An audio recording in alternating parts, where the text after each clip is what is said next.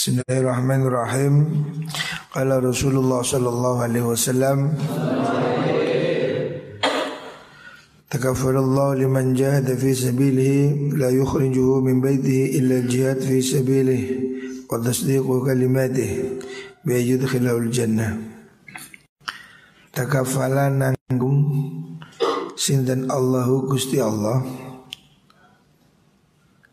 liman maring wong jahada. Kang jihad sopeman Fisabilihi ing dalam dalani Allah jihad fisabilillah la yukhriju orang ngetoaken du ing man min baitihi sanging omai man.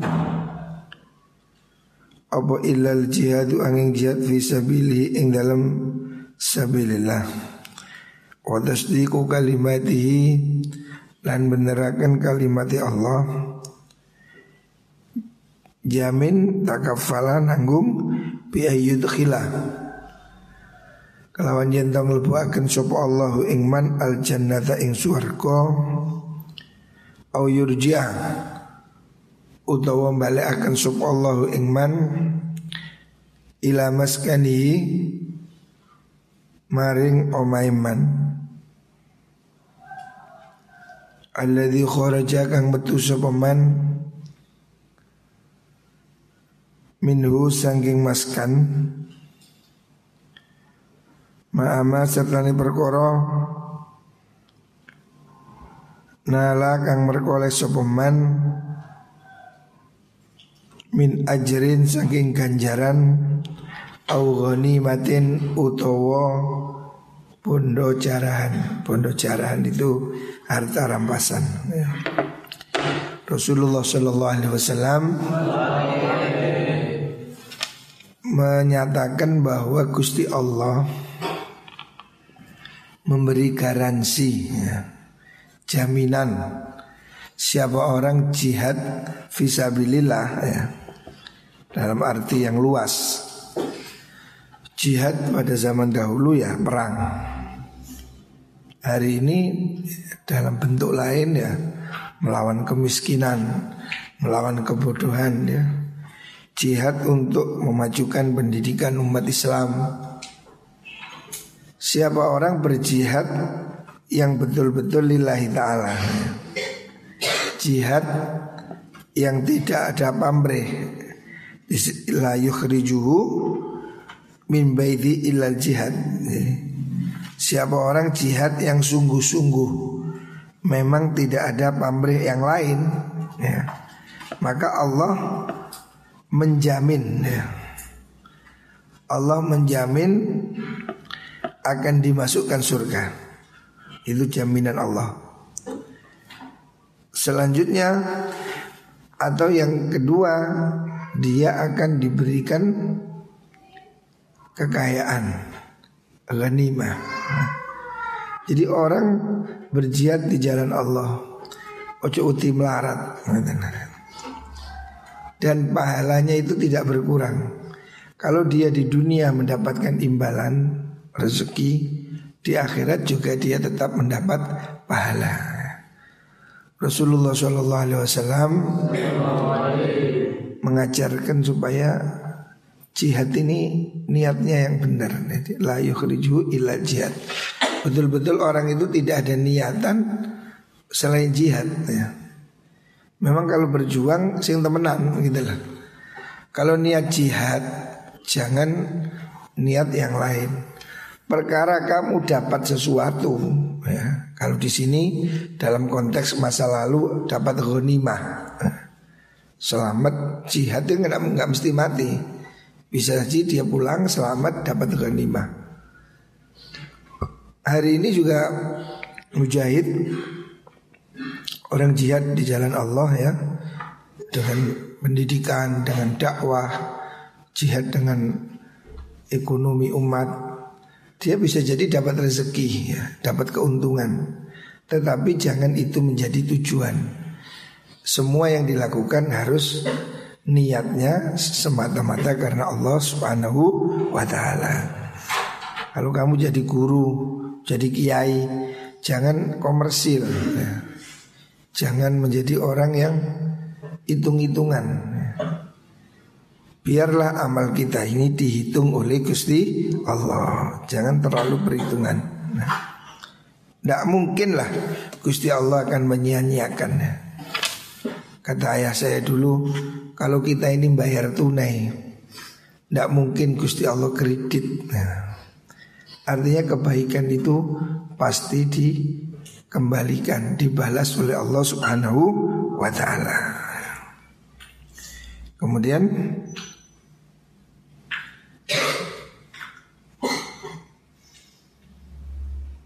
Rawal Syekhani Hadis ini riwayat Imam Bukhari Muslim Selanjutnya kalau Rasulullah Sallallahu Alaihi Wasallam Tafakkaru fi khalqillah Tafakkaru podo mikiro sirakabe Fi khalqillahi Ing dalam Makhluki Allah Hendaknya kamu berpikir Tentang ciptaan Allah ya. Betapa Allah ini maha hebat ya. Menciptakan makhluk Langit, bumi, lautan Semua ini Tanda kekuasaan Gusti Allah Termasuk hari ini Kita ini Makhluk Allah yang tidak tampak Namanya virus ini Orang hari ini masih bingung ya. Dan kurbannya terus bertambah ya. Kenapa saya harus selalu mengingatkan nih Tadi malam ada satu teman saya meninggal Kiai ya Meninggal. Ya saya tidak tahu. Wallah alam. Semua orang mati takdirnya Gusti Allah. Tapi ada yang bilang itu Covid. Nah. Ya memang mati ini Kalau nggak mati karena Covid Ya mati karena yang lain ya. Oh, semua orang hidup pasti mati ya. Kalau kamu tidak mati karena covid Ya mati yang lain. Mati tabrakan, mati embuh, mati ini Orang mati macam-macam macam Tapi hari ini kan kasihan. Hari ini fitnah ya. Semua orang mati selalu dianggap covid. Nah dikubur dengan ya seperti itulah. Makanya kita tidak ada cara lain. Selain kita harus hati-hati dan mohon pada Gusti Allah. Bab makhluk ini kecil, virus ini tidak tampak ya. Ya lek kucing bisa dipentung. Hmm, pokoknya virusnya itu berupa kambing pena dibedil. Lagi virusnya gak ketok ya. Tapi itu makhluknya Allah. Semua yang ada ini ciptaan Gusti Allah. Jangan takut ya. Tapi harus hati-hati wala tafakkaru lan ojo mikir sira fillahi ing dalam zati Allah kamu mikirkan makhluk Allah. Jangan berpikir tentang zatnya Allah. Allah itu seperti apa ya? Apakah Allah itu gede? Apakah Allah itu gemuk? Nah itu jangan. Fatuhliku fatahliku. Mongko dadi rusak sira. Hmm. Jadi yang harus kamu pikir ini langit, bumi, matahari, planet-planet, tambang-tambang di dalam tanah, sungai, laut, hewan, tanaman, udara. Apa ya pokoknya fenomena alam ini yang kamu harus pikir. Betapa hebatnya ciptaan Gusti Allah. Jangan kamu coba-coba mikir Allah itu seperti apa ya. Apakah ini kayak Superman? Nah jangan itu pikiran tidak genah itu. Ya. Fatahliku rusak kamu kalau mikir gitu.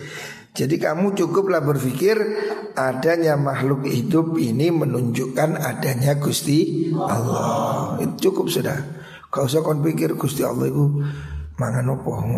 Pikiran gak kena ya.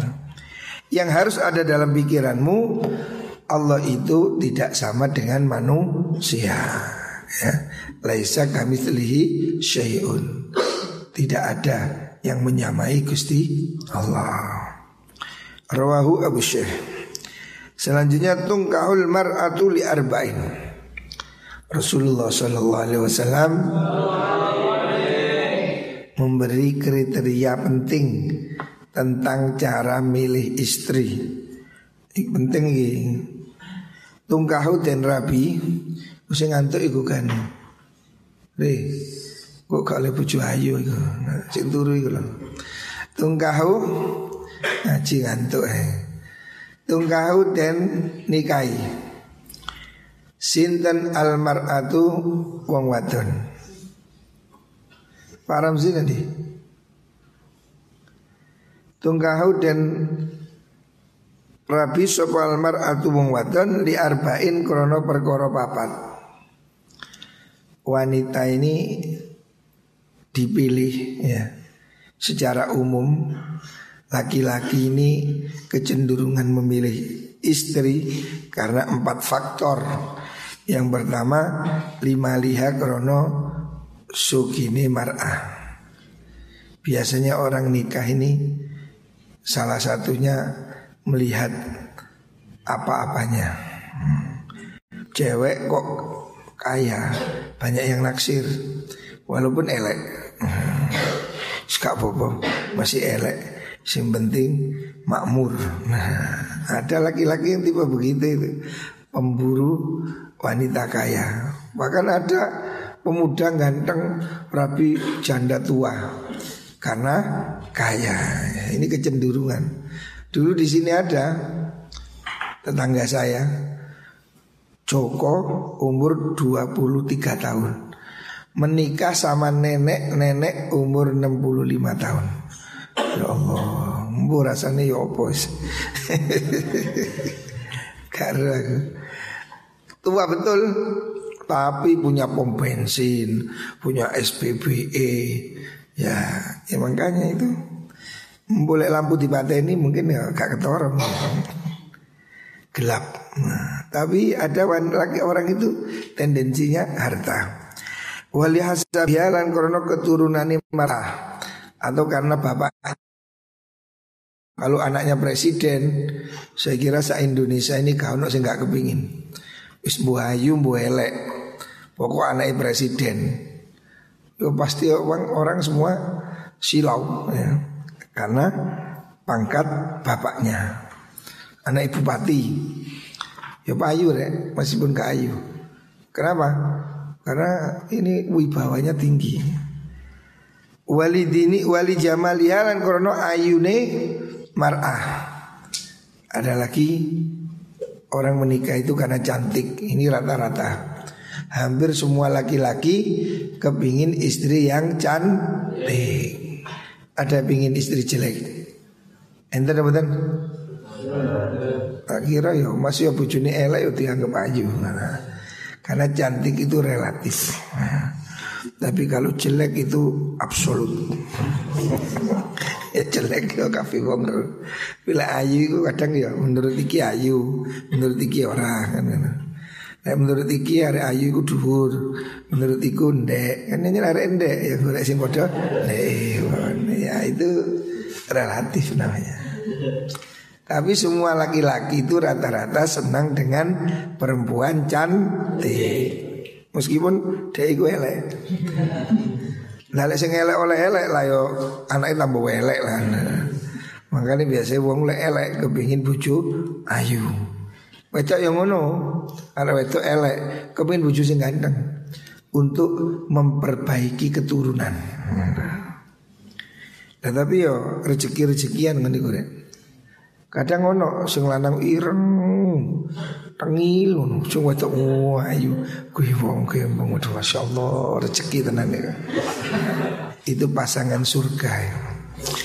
Karena yang laki-laki bersyukur dapat istri cantik, istrinya bersabar dapat suami jelek. pasangan pasangan surgawi. Jadi orang menikah ini lebih banyak apa namanya faktor-faktornya ini. Maksudnya bukan berarti Nabi menyuruh begini, enggak. Ini Nabi cuma memberi gambaran. Orang itu nikah itu tendensinya harta, jabatan, kecantikan. Yang selanjutnya walidiniha lan krono agumune mar'ah. Ada juga yang pertimbangannya karena agamanya. Agama artinya dia taat ya, beragama. Ah, Nabi mengingatkan agama ini jangan jadi nomor empat. Ya. Fadfar bidatitin Fadfar monggo merkoleo siro Bidatitini kelawan wong kang duweni agomo Kamu jangan menjadikan agama ini nomor terakhir Hendaknya faktor agama ini nomor satu ya. Jangan salah ya Kamu kalau istri cuantik Belum tentu bahagia kamu Apalagi jelek tetapi istri cantik ini kalau tidak ada akhlak bisa membuat kamu stres. Bojone wayu. Gelap-gelap wayu, kinclong. Tapi geleman. Apa gak gendeng kon. Awakmu nyambut gawe bojomu digonceng wong. Akhirnya kon delomong itu nanti bojoku digonceng anu Saya kira itu lebih menyiksa hati ya. Jadi jangan cantik menjadi pertimbangan utama. Apakah nggak boleh cari istri cantik? Boleh. Afdol. Boleh bucu elek ya malah remak kan. Gak, gak bangga belas. Bucu cantik boleh ya. Bahkan dianjurkan. Tapi jangan menjadi satu-satunya pilihan. Artinya Cantik itu nomor ketiga. Kalau kamu cari istri, catatan satu pertimbangannya adalah agama. Yang penting. Maksudnya golok bojo sing pondokan. Nah, istri solihah, istri yang taat beragama. Ini istri yang menjamin kamu akan bahagia. Sebab dia bisa jaga diri, jaga harta, jaga anak sehingga kamu bisa hidup dengan tenang. Bayangkan kalau kamu istrimu tidak beragama, dia kehidupannya aut-autan, suka dugem, karaoke, oh, ngomongnya kuatus, misu-misuan, lek perlu bujuni dikaploki, ya apa, apa gak gendeng kan marah. Mosong wedok dilokno didik ojo ngono. Oh cangkemmu pluwok. Waduh. Langsung teler bojone. Wah, ini opo? Bojo gendeng iku. Jadi nomor satu agama ya. Kalau istrimu itu orang beragama, dia pasti bisa menghormati kamu, menghargai. Karena wajibnya istri itu taat pada suami. Fasolihatu qanitat Wanita solihah itu wanita yang taat Taat pada Allah juga taat pada suami Kalau kamu punya istri solihah Hidupmu pasti tenang ya. Kamu pasti hidupmu senang Itu lebih baik daripada cantik Cantik tapi kalau judes Mari ngono sih omongnya pedes Waduh Kon tunda-tunda terus Ono lanang bondo apa kon rene mek nggawa pikulan ambek klopo loro ae. Opo ngono. Bondo terong ae waduh. Pasti kamu hidupmu menjadi terhina ya. Jadi jangan kalau saya dan ini perintah Rasulullah Shallallahu Alaihi Wasallam. Fadfar bidatid Dapatkan istri yang beragama. Saya ini kan sudah pengalaman Saya ini punya anak banyak ya. Kamu akan kecewa kalau melihat istri hanya cantik Ataupun hanya pangkat. Saya ini sudah ada teman di pondok dulu Nikah sama anak kepala desa ya, Itu kan orang di kampung kan orang yang terhormat Kaya Tapi apakah enak? Enggak dia itu nyesel kalau ketemu saya itu ya kasihan. Karena apa? Istrinya yang lebih kaya ini menjadi lebih dominan. Akhirnya dia itu ya ndak ubahnya jadi kuli isuk kon ngubah motor. Kongkon iki, kongkon niku jadi kongkon-kongkonan. Sebagai laki-laki tidak bergengsi. Laki-laki ini kehormatan ya harga diri. Al-Quran mengatakan Ar-rijalu qawwamuna ala nisa Laki-laki harus jadi pemimpin Dalek sing wedok sing mimpin, sing lanang plunga-plungu. Ngono apa? Liru ngidul ngalor. Waduh iki namanya rumah tangga banci. Sing lanang dadi wedok, sing wedok dadi lanang. Ini demokrasi iya, demokrasi banci. Sing lanang metoi. Harus yang laki jadi laki-laki. Nah, maka kamu akan mendapatkan rumah tangga yang baik kalau istrimu itu ngerti agama sehingga dia tahu hak dan kewajiban. Ini penting deh agama. Ya, artinya dia itu ngerti hukum-hukum Allah sehingga dia itu gak purian, gak nesuan ya. Ucapannya juga bagus ya. Cari istri ini jangan cuma dilihat pokoknya, Nek golek bojo sing bokonge gede yo selender. Dhewe semok. Jadi kamu harus lihat dulu agamanya ya. Karena kalau istrimu itu taat, istrimu itu istri yang baik yang bagaimana sih? Man sarratka nadzarta ilaiha wa ta'atka idza amarta. Istri yang baik itu istri yang kamu, kalau kamu lihat itu menyenangkan tingkah lakunya menyenangkan, omongannya yo menyenangkan. Ono rek tipe wong wedok sing omongannya ketus, pedas dan apa cenderung apa itu me, apa menye, tajam menye, menyerang ya. Ada tipe wanita itu yang lembut, halus. Itu lebih menenangkan hati. Lek bojomu sekarang ketus, titik-titik muilokno, titik-titik meso, waduh. Ya apa kan Wis elek ngamuan misuan gak neriman dicelok sapi ae. Tukar tambah. Ini rumah tangga pasti hancur-hancuran. Makanya cari istri yang beragama kalau dia beragama pasti dia taat pada suaminya. Karena dia merasa itu bagian dari ibadah. Sesuatu itu kalau dilakukan dengan niat ibadah enteng. Kamu bangun subuh ini loh. Abot apa endeng Kalau terpaksa abot Selain dioprak-oprak keamanan abot. Tapi kalau kamu memotivasi diri bahwa ini subuh ini pahalanya besar Subuh ini rahmat Allah berkah Endeng Karena motivasinya kamu berkah. Tapi kalau kamu tidak ada motivasi Subuh contohnya ke kamar buriku Digugam bulat eh. Mesti kuka lunggu turu mana Karena tidak ada motivasi.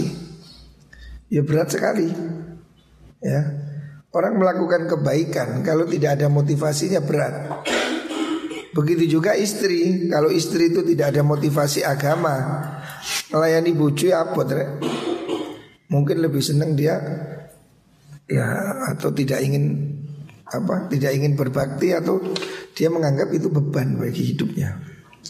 Makanya suami itu harus menguasai dengan memberi nafkah. Kalau kamu tidak memberi nafkah, ya contoh banyak saya lihat. Pasangan rumah tangga yang istrinya lebih kaya itu cenderung suaminya tidak direken, tidak diwongki. Ya. Saya punya teman ini istrinya orang pointer luar biasa. Tidak saya sebut Istrinya ini manajer satu miliar Gajinya satu M Pada zaman itu loh ya Pada zaman dulu itu gajinya satu miliar. Ini orang pinter lulusan Amerika. Menjadi menteri beberapa kali. Tapi suaminya cerai. Suaminya teman saya. Datang ke sini. Dia bilang saya cerai. Kenapa? Ya sudah Gus. Saya bilang kenapa? Janganlah. Istrimu tuh hebat Saya bilang. Istrinya ini bukan wanita biasa Rem. Di Indonesia ini Kalau saya sebut sedikit aja Semua orang saya Indonesia tahu. Ini orang pintar betul. Kaya raya. Saya bilang istrimu itu wanita hebat. Gak ada saya kira Di Indonesia itu bisa dihitung dengan Tidak tidak banyak dari lima jari saya ini. Istrinya ini orang orang pintar, kaya dan berkedudukan. Tapi suaminya lebih memilih cerai dan menikah lagi dengan orang Padang. Orang Padang ini kan terkenal pinter masak ya. Banyak di mana-mana ada warung Padang. Bayangkan istri yang hebat dibuat diganti istri warung Padang. Kenapa? Sederhana saya tanya, kenapa? Jawabnya ringkes, nggak diwongke, ya. tidak diorangkan. Artinya dia merasa kurang dihargai sebagai harga diri laki-laki. Itu loh contoh ya. Jadi kalau kamu cari istri pinter tok, kamu akan kecewa. Ya seperti teman saya itu, istrinya pinter betul, orang hebat. Itu suaminya nggak tahan minta cerai, diceraikan. Itu salahnya. Ya. Contohnya begitu. Cantik juga begitu. Orang cari istri cantik banyak. Kasusnya ya setelah itu selingkuh. Sebab cantik ini biayanya mahal. Ya. Cantik itu tergantung perawatan Masya wayu Tapi penggaweannya macul. Huh? Matun. Yonte ya, ayu nih. Makanya orang cantik ini cenderung kemenyek. Anunya mahal Bedaknya mahal. Ini apa? Apa ini Lipstiknya mahal. Itu apa Embu jenenge apa iku? Empus-empus iki lho. Warna-warna ini mahal. Karena cantik, ya. Lah kalau wanita cantik suaminya nggak nyukupi, ini ya kasus yang terjadi ya lari, selingkuh atau pindah ke lain hati. Ya. Jadi cantik ini bisa membuat laki-laki cenut-cenut. Nah, sing lanang gak nyukupi rek. Sewaktu-waktu istrimu disamber orang. Saya udah punya teman begitu padahal istrinya ini anaknya kiai loh. Kok anak wong biasa, anak kiai. Ya begitu. Disambar orang. Disambar baku lombok. Nah. Ya seperti itu ya wanita ini wanita cantik itu perlu biaya mahal gitu. Makanya kalau kamu tidak bisa mencukupi, oh mengkhawatirkan. Walaupun tidak semua, ya, ada wanita cantik yang baik juga ada. Sekarang viral di Madura, penjual rujak wajahnya mirip sama sing inces sih Syahrini. Oh, di YouTube YouTube kan ada itu penjual rujak mirip Syahrini. Jariku ya kuali Syahrini mirip penjual rujak. Kok jadi uang viral penjual rujak mirip Syahrini Luaris saya lihat di YouTube itu yang jual jual jual rujak di rumah sampai pasang terop.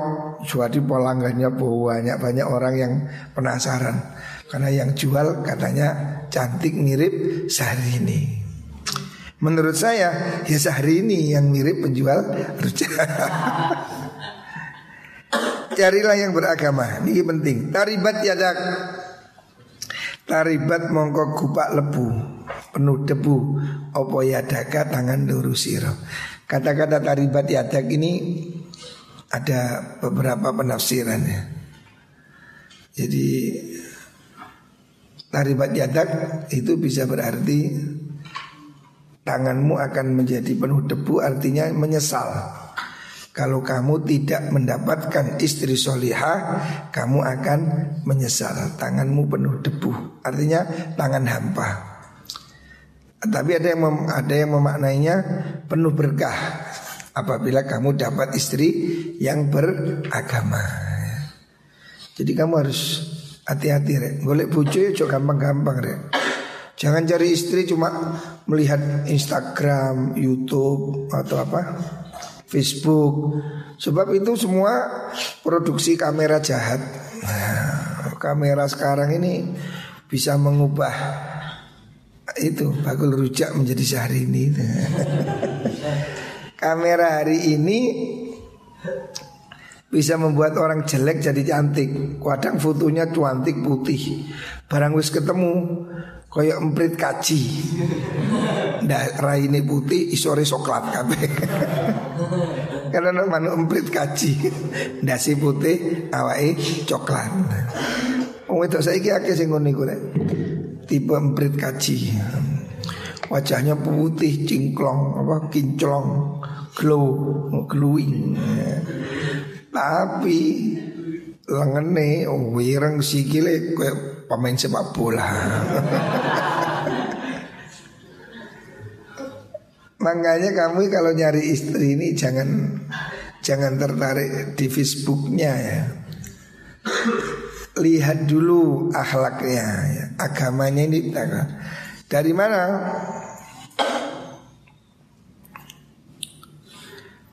Kamu bisa cari informasi dari ya masyarakatnya, keluarganya, ya. Kamu harus cari informasi yang benar. Bagaimana ini akhlaknya bagus apa enggak gitu Terus ininya bagaimana perilakunya. Jadi jangan cuma dilihat wajahnya. Wajah cantik ini sering menipu ya. Orang tidak semua wajahnya cantik, akhlaknya juga cantik. Tapi kalau kamu mendapatkan istri yang akhlaknya cantik, itu lebih menyenangkan. Apalagi wajahnya juga cantik. Alhamdulillah yang lebih cocok itu. Jadi satu pilih yang agamanya. Kedua akhlaknya. Penting untuk kenikmatan hidupmu itu ini faktor penting. Cantik itu tidak lama rek. Soalnya ini wetok wayu umur 20 tahun pening. Eh umur seket ya wah. Dower, pintung bulu, ya. Jadi kamu Cantik itu tidak lama ya. Makanya kamu justru akan hidupmu lebih tenang kalau istrimu itu akhlaknya cantik ya. Ngomongnya halus, gak ngundat-ngundat. Oh, no, wong wedok sing tukang ngundat-ngundat. Aku iki anu demi kamu aku itu begini nyalah-nyalah nasi lanang. Ya biyen lah apa gelem saiki kayak ngilok-ngilokno. Aku biyen lek gak rabi kon aku dirabi anu petinggi mawane. Lah apa gak rabi biyen. Jadi banyak orang yang menyalahkan masa lalunya. Itu masuk tipe wanita yang jelek ya. Saya ini berkorban untuk kamu. Raimu elek. Waduh nih yang wedok ngundat ngundat kagian pola. Makanya salamu dewi ya. Kalau bisa itu carilah istri yang bagus agamanya bagus mondok ya. Penting udah jangan cari yang hanya cantik. Tapi kalau dapat yang cantik wis ngaji apal Quran ayu Alhamdulillah cocok iku. Lek ana sing ngono iku ya diwet wet. Nah. Jadi ini ajaran dari Rasulullah Sallallahu Alaihi Wasallam. Cari yang cantik, tapi agamanya cantik. Ya. Tanakahu taksuru fa inni ubahi bikumul umama yaumal qiyamah.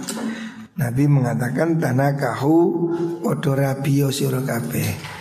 Rabio ojo gak rabi kon. Tanah kahu Nabi merintah nikah nikahlah kalian ya. Sing wis rabi rabio. Tak suruh mongko dadi akeh sapa sira. Kalau kamu punya istri terus kamu Absuru dadi akeh siro Supaya kamu ini punya anak Beranak bina menjadi banyak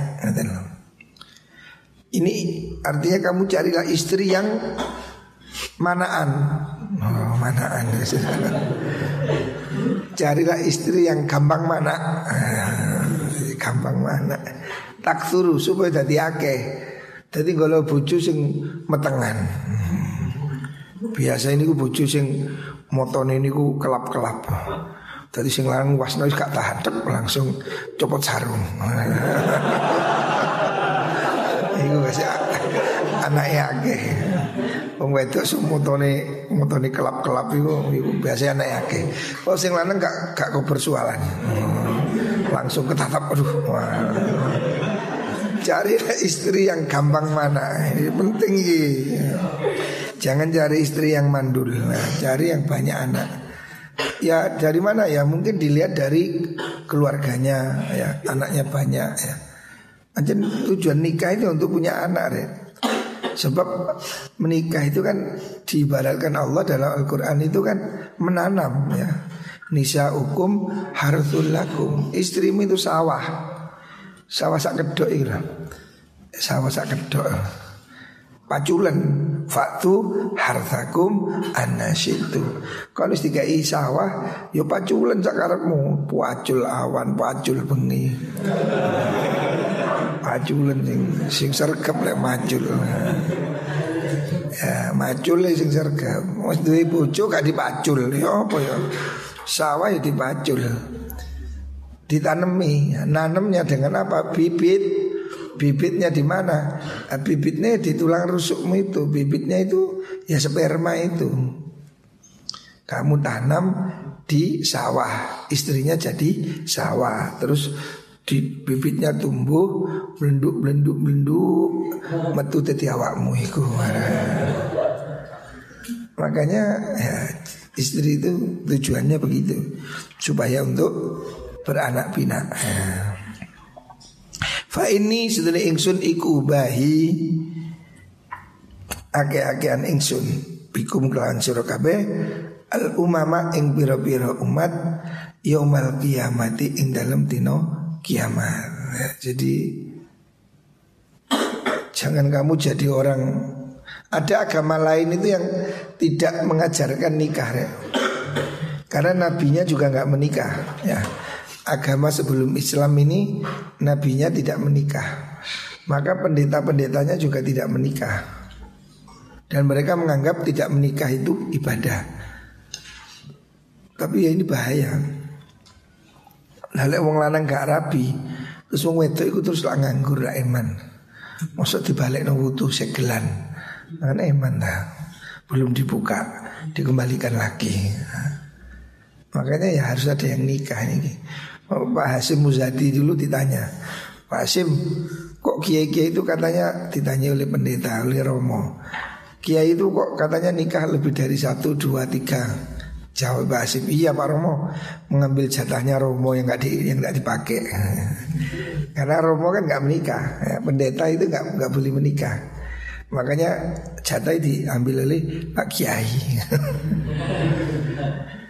Jadi nikah itu sunnah ya bagi orang yang mampu dan mau ya sunnah.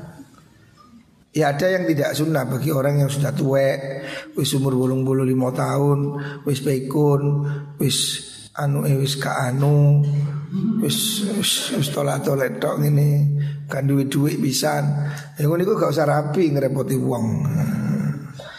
Wis tua wis pekun rapi. Nek sing sik kaya awakmu iki sing Jos-jos ini ya rabi ya Gak rabi malah bahaya. Ya Mengkristal menjadi akik kan Jadi nikah ini sunnah ya. Tapi ya milihlah istri yang solihah jadi fit dunia hasanah kita ini selalu berdoa Rabbana atina fit dunia hasanah. Termasuk bagian dari fit dunia hasanah itu istri solihah. Orang ini tidak akan bahagia hidupnya kalau istrinya tidak solihah. Hidupnya tidak akan bahagia. Ya stres iso, gendeng ya iso. Gara-gara bujuni ngondol iso gendeng barang. Bayangkan duwe bojo terus digondoli wong. Kan yo sing lanang iso mingong. makanya istri solihah ini penting ya. Nikmat dunia ini istri solihah. Makanya ini pertimbangan penting ya. Soal cantik ya, pinter bagus, tapi harus solihah. Ya. Muka-muka kabeh diparingi pasangan solihin dan solihah al-Fatihah